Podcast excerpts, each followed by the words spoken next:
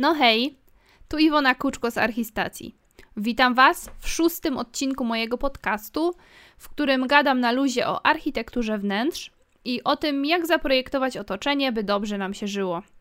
Dzisiaj przyszła pora na drugi już odcinek podcastu na temat największych błędów, które popełniają osoby urządzające swoje mieszkanie lub dom. Mam nadzieję, że wysłuchanie tego odcinka pozwoli Wam ich uniknąć i sprawniej przeprowadzić remont. Zapraszam do wysłuchania tej audycji.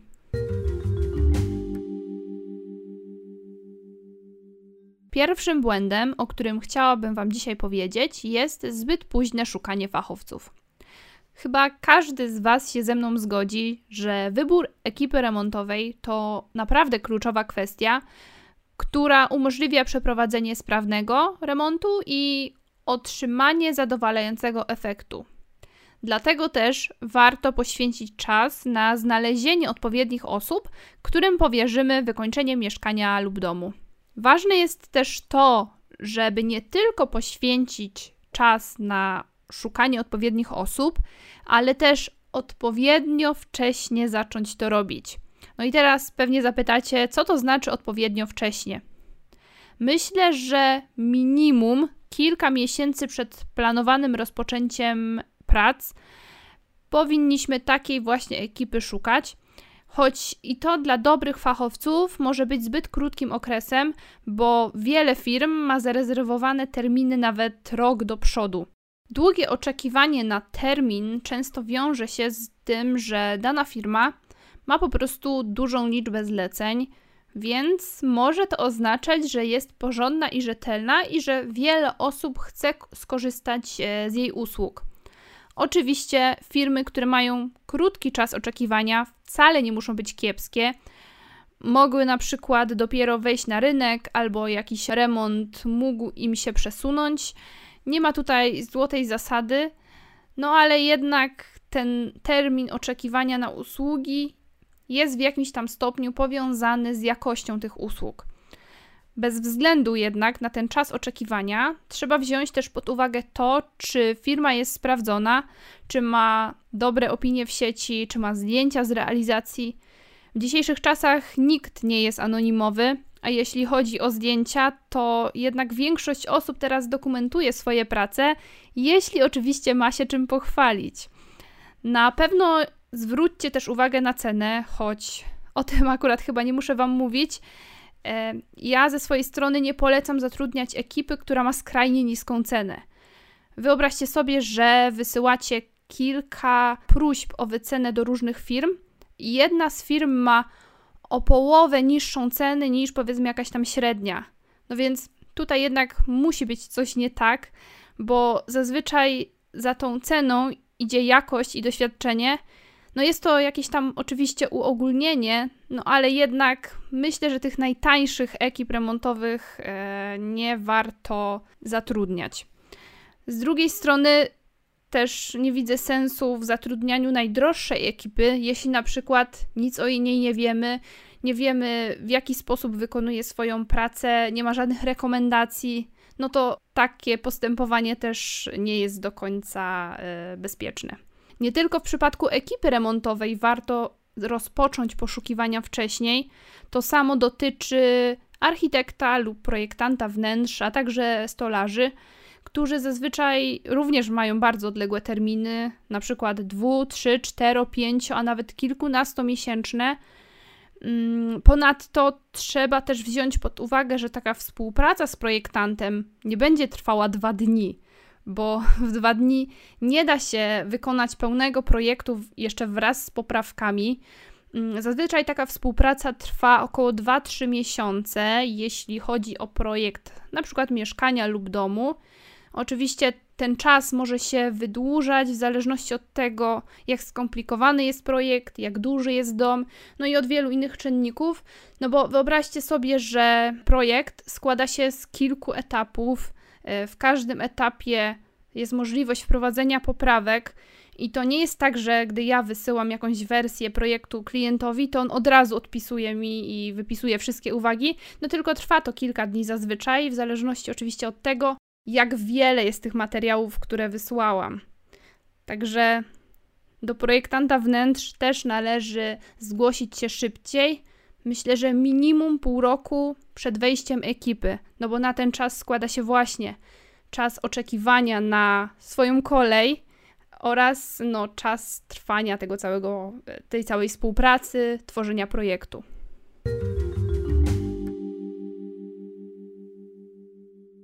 Drugim błędem jest opieranie się na poczuciu estetyki ekipy remontowej.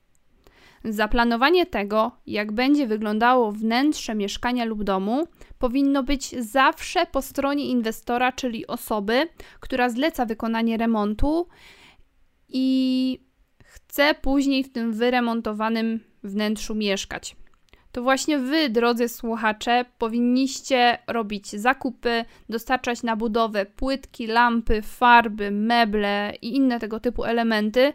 Jeśli chcecie, by wasz dom był urządzony tak, jak to sobie wymarzyliście, to nie zdawajcie się na gust fachowców, bo może on być różny, a przede wszystkim może być, a w zasadzie to na pewno będzie całkiem inny niż wasz gust.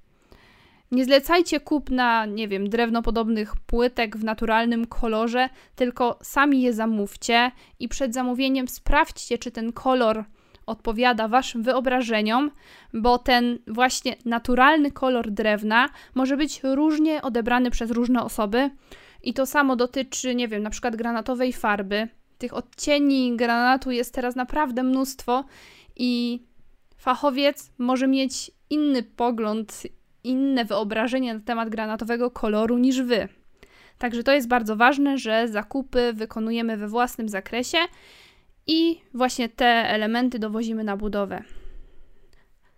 Niestety, to, że dostarczycie na budowę odpowiednie produkty, wcale nie znaczy, że wszystko będzie wyglądało tak, jak to sobie wymarzyliście. Warto jak najdokładniej wytłumaczyć lub najlepiej rozrysować i opisać swoje oczekiwania, co i jak chcecie, by było zrobione.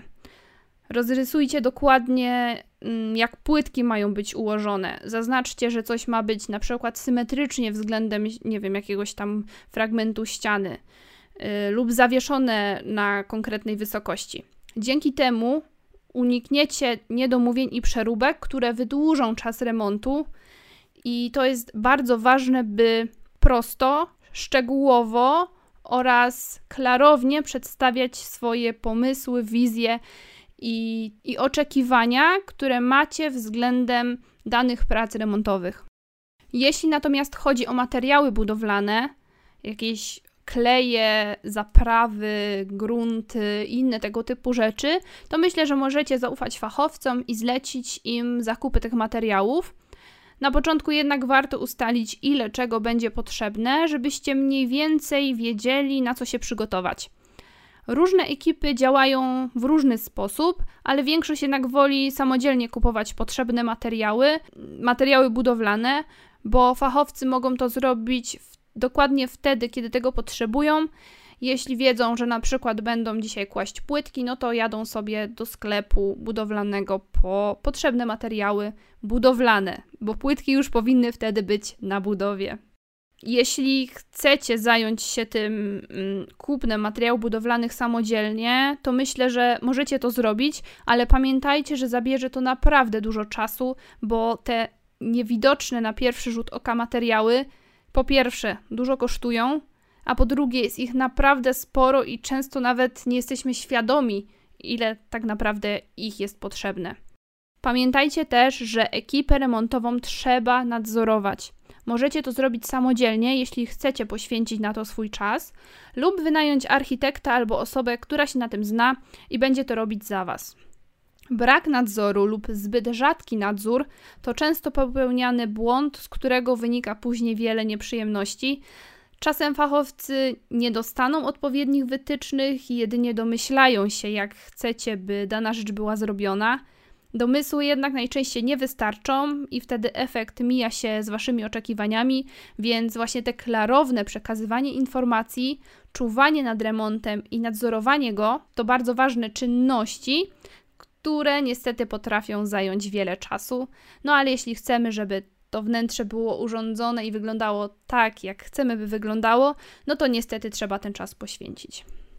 Równocześnie wcale nie chodzi o to, by patrzeć na ręce fachowcom, bo żadna skrajność nie jest dobra i tak naprawdę nikt tego nie lubi, gdy na każdym kroku się go kontroluje, bo wywołuje to niepotrzebny stres i taką niechęć. Wtedy też często błędy są popełniane, które bez tego takiego nadmiernego nadzoru e, po prostu by im nie wystąpiły.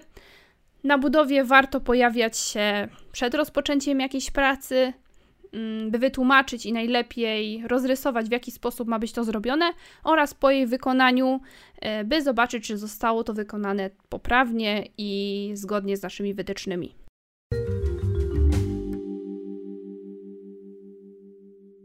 Dobra, to jedziemy dalej i przechodzimy do kolejnego błędu, jakim jest brak przygotowania do remontu. Muszę przyznać, że ten błąd pojawia się bardzo często, bo ja naprawdę nie zliczę, ile wiadomości otrzymałam, że nie wiem, za kilka dni wchodzi ekipa, a ja nie wiem, co ja mam robić, na czym się skupić, co mam kupić, w jaki sposób ma to wszystko być urządzone. Albo jest jeszcze jedna rzecz, że po prostu remont trwa, a my nie wiemy, co dalej, nie wiemy, co zrobić. No i właśnie takich sytuacji trzeba unikać, bo właśnie ten błąd, ten brak przygotowania mm, później generuje wiele innych błędów i utrudnia podejmowanie kolejnych decyzji remontowych. No, a tym samym spowalnia cały proces e, przebiegu remontu. Myślę, że ten błąd, czyli brak przygotowania do remontu, wynika najczęściej mm, z tego, że urządzanie mieszkania lub domu kojarzymy z estetycznymi aspektami, z pięknymi aranżacjami, dekoracjami, meblami, a te elementy to tylko wierzchołek góry lodowej. To jedna ze składowych remontu, no i to jest zazwyczaj ta składowa, która może być wykonana, no może niekoniecznie na końcu, ale w tym drugim etapie przeprowadzania remontu bo zanim wybierzemy kolory, meble, dekoracje, trzeba zastanowić się, jakie są nasze potrzeby, styl życia, co jest potrzebne do wykonywania danych czynności. Na tej podstawie dopiero możemy stworzyć układ funkcjonalny, który umożliwi swobodne i wygodne korzystanie z mieszkania. A w oparciu o ten układ powstaje schemat elektryki, hydrauliki, no i wtedy równocześnie możemy też e, wybierać elementy wyposażenia. Co więcej, jeszcze przed rozpoczęciem remontu warto stworzyć listę zakupów, e, listę elementów, które będzie trzeba kupić i jak najdokładniej je sprecyzować. E, no przede wszystkim chodzi tutaj o cenę tych produktów, ale o budżecie powiem Wam jeszcze więcej za chwilę. Trzeba też zdawać sobie sprawę z tego, że remont mieszkania i domu to nie tylko jest spory wydatek pieniężny, ale też energetyczny. Chciałabym, by głośno to wybrzmiało i by coraz więcej osób zdawało sobie z tego sprawę. Świadomość tego, że to nie jest takie hop siup i nie zrobimy remontu w 5 dni, pomoże nam lepiej się do tego przygotować, zarówno psychicznie, jak i fizycznie, i niejako zmusi nas do przyjrzenia się również nie tylko tym estetycznym aspektom, ale też e, wielu innym rzeczom, właśnie takim jak takie przygotowanie się pod względem potrzeb, analiza swojego stylu życia, e, właśnie funkcjonalności elektryki i tego wszystkiego, o czym mówiłam przed chwilą. No i teraz pewnie zastanawiacie się, kiedy najlepiej zacząć się przygotowywać e, do tego remontu. No i to oczywiście zależy od tego, mm, czy sami będziecie się tym zajmować, czy będziecie mieli architekta, czy macie w rodzinie osobę, która się zna na remontach, no i od wielu innych różnych aspektów. Oczywiście też bardzo ważne jest to, ile macie czasu na co dzień, bo im mniej tego czasu macie, tym wcześniej powinniście zacząć się przygotowywać. Myślę, że najlepiej zacząć to robić już nawet na rok przed rozpoczęciem remontu, choć nie jest to oczywiście reguła, bo musimy wziąć pod uwagę tam swoje własne preferencje i też to właśnie ile mamy czasu, to w jakiej sytuacji zostaliśmy postawieni, bo to też nie jest tak, że my możemy na rok wcześniej przewidzieć, że my będziemy remontować mieszkanie czy tam dom. Więc jeśli zostało Wam na przykład kilka miesięcy lub tygodni do wejścia ekipy remontowej, to również możecie się do tego dobrze przygotować. Na te kilka miesięcy wcześniej warto przeglądać i spisywać ciekawe rozwiązania, zastanowić się nad układem funkcjonalnym, elektryką, zbierać inspiracje, przeglądać różne elementy wyposażenia i zapisywać te, które wpadną nam w oko i które chcemy później wykorzystać. Dzięki temu to przygotowanie do remontu rozłożymy w czasie, a mając na głowie najczęściej pracę, dom, dzieci, trudno zaprojektować wymarzone wnętrze w jeden dzień. Więc najlepiej dać sobie czas na znalezienie właśnie tych inspiracji oraz wszystkich innych elementów, o których mówiłam wcześniej. Dzięki temu sprawimy, że planowanie tego wyglądu i funkcjonalności obejdzie się bez stresu, bez takiego napięcia i będzie przyjemnością, a nie przykrym obowiązkiem.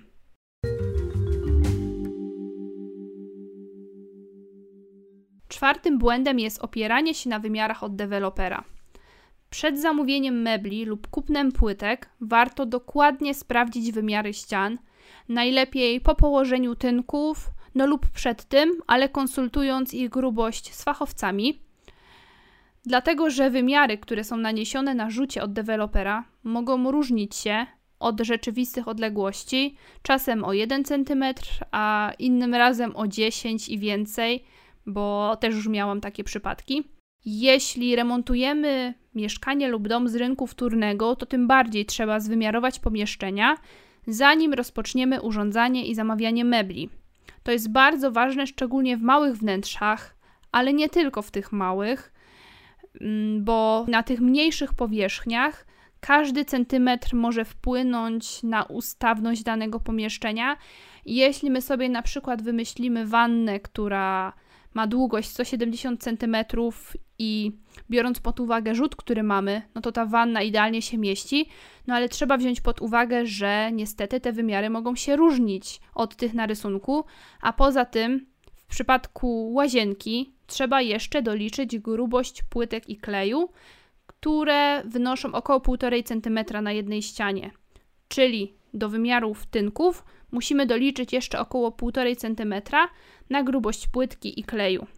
Oczywiście taki wstępny rysunek układu funkcjonalnego elektryki czy hydrauliki możemy zrobić w oparciu o rzuty deweloperskie, no tym bardziej, że gdy ten układ funkcjonalny tworzymy, taki ten wstępny układ, no to najczęściej nie mamy jeszcze dostępu do tego mieszkania, często ściany nie są jeszcze postawione, więc takie wstępne rysunki można oczywiście sobie poczynić, a później, gdy już e, mieszkanie czy dom będzie w naszych rękach, będziemy mogli tam wejść i pomierzyć poszczególne ściany, no to naprawdę warto to zrobić i przed zakupem danego elementu właśnie sprawdzić, czy dana odległość jest na pewno wystarczająca.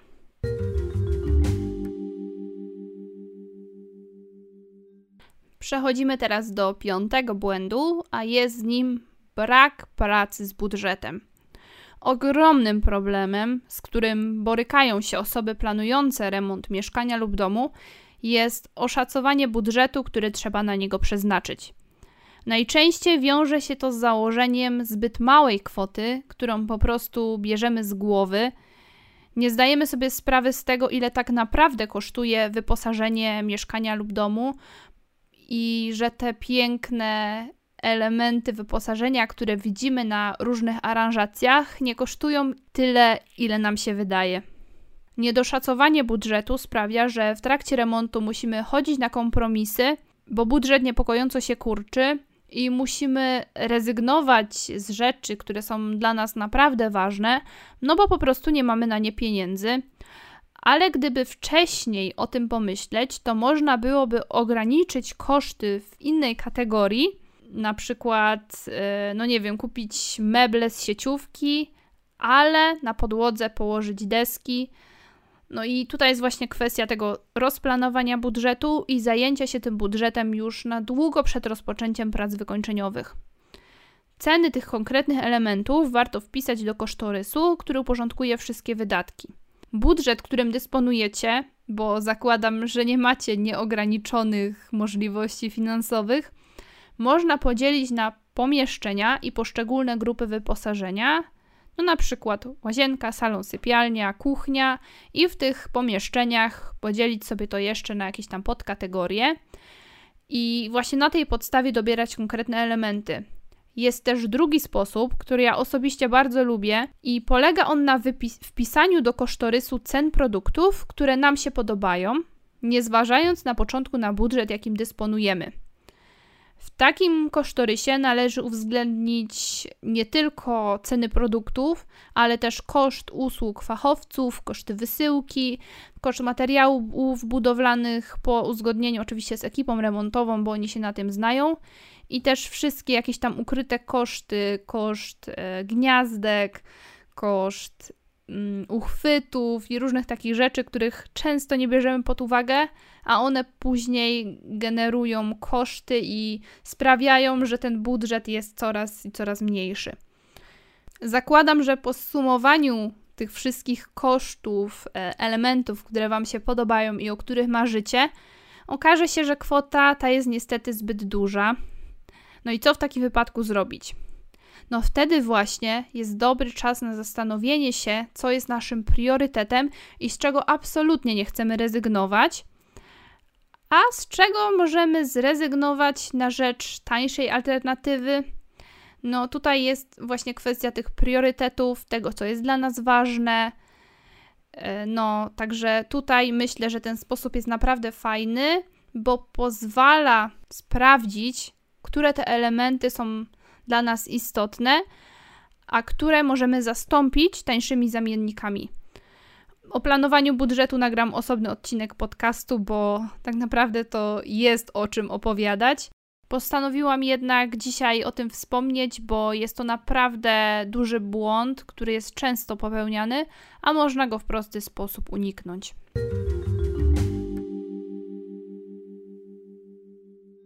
Pozostajemy nadal w temacie pieniędzy, bo następny błąd, o którym chciałabym Wam dzisiaj powiedzieć, jest kierowanie się tylko ceną.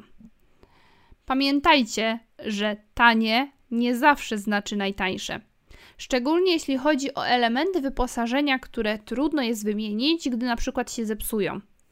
Najlepszym przykładem są tutaj elementy podtynkowe w łazience, takie jak stelaż WC czy baterie podtynkowe. Nie należy na nich oszczędzać, bo może się okazać, że za dwa miesiące się zepsują i będziecie musieli nie tylko je wymienić, ale też skuć płytki i zapłacić drugi raz za montaż, no i oczywiście położenie kafli.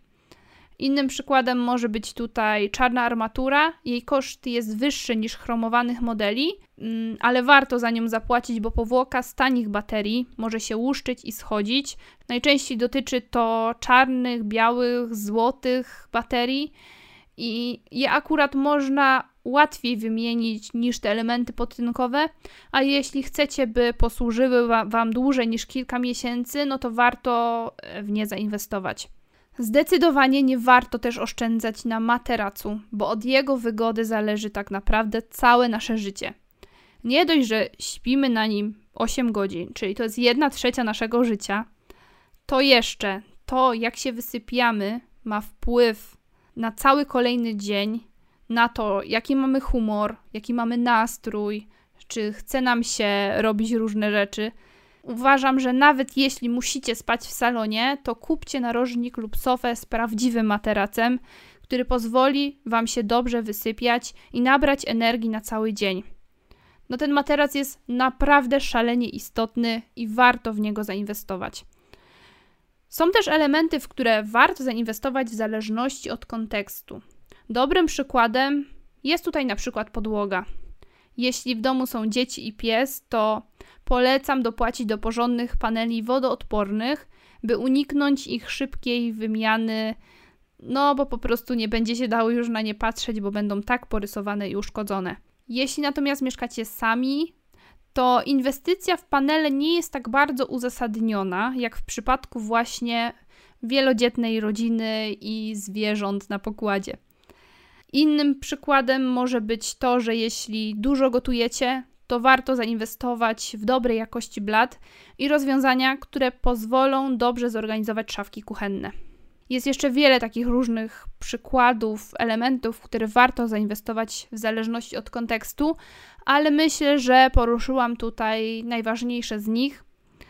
No i pamiętajcie o materacu i elementach podtynkowych.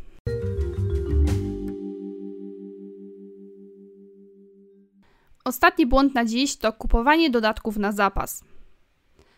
Ja wiem, że dekoracje kuszą już na samym początku remontu, gdy nawet nie mamy jeszcze wylewek, nie mamy ścian, gdy dom jest dopiero w budowie, a te dodatki są takie piękne, że od razu chciałoby się je kupować.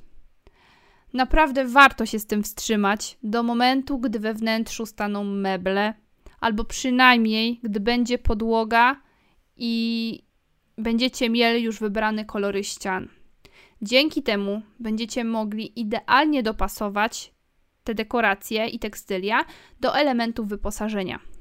Będziecie też wiedzieć, czy te dodatki mają nadać kontrastu, mm, czy może być takim integralnym elementem całego wnętrza, jeśli na przykład postawicie na neutralne barwy. Wcześniej może być trudno to stwierdzić, bo tak naprawdę, jeśli nie korzystacie, nie wiem, z programu do projektowania, tylko te wszystkie wizje tworzycie sobie w głowie lub przeglądacie jakieś tam inspiracje, no to naprawdę trudno jest, yy, nie widząc danego wnętrza, stwierdzić, jakie dodatki będą pasować.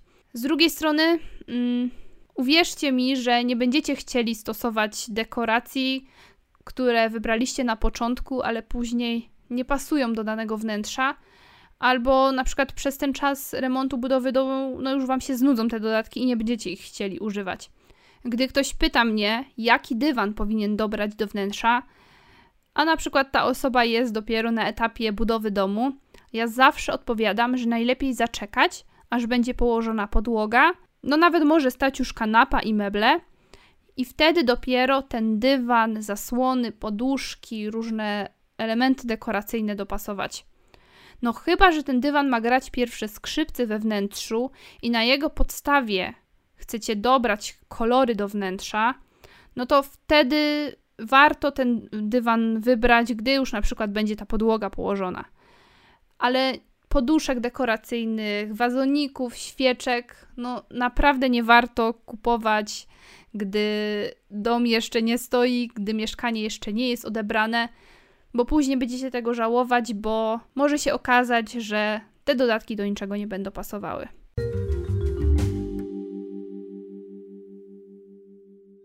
W dzisiejszym odcinku udało mi się zebrać aż 7 błędów, które popełniają osoby urządzające swoje mieszkanie lub dom. I mam jeszcze kilka błędów w zanadrzu, więc myślę, że za jakiś czas znów nagram odcinek na ten temat, bo błędów trzeba unikać, szczególnie takich, które są powtarzalne, bo w trakcie remontu jest i tak sporo rzeczy do zrobienia i pożarów do ugaszenia, więc po co sobie utrudniać życie? Jeśli chcecie dowiedzieć się czegoś więcej o urządzaniu mieszkania lub domu, to zapraszam Was do mojego sklepu z materiałami edukacyjnymi i z dekoracjami na mojego bloga i media społecznościowe. We wszystkich tych miejscach znajdziecie mnie pod nazwą Archistacja.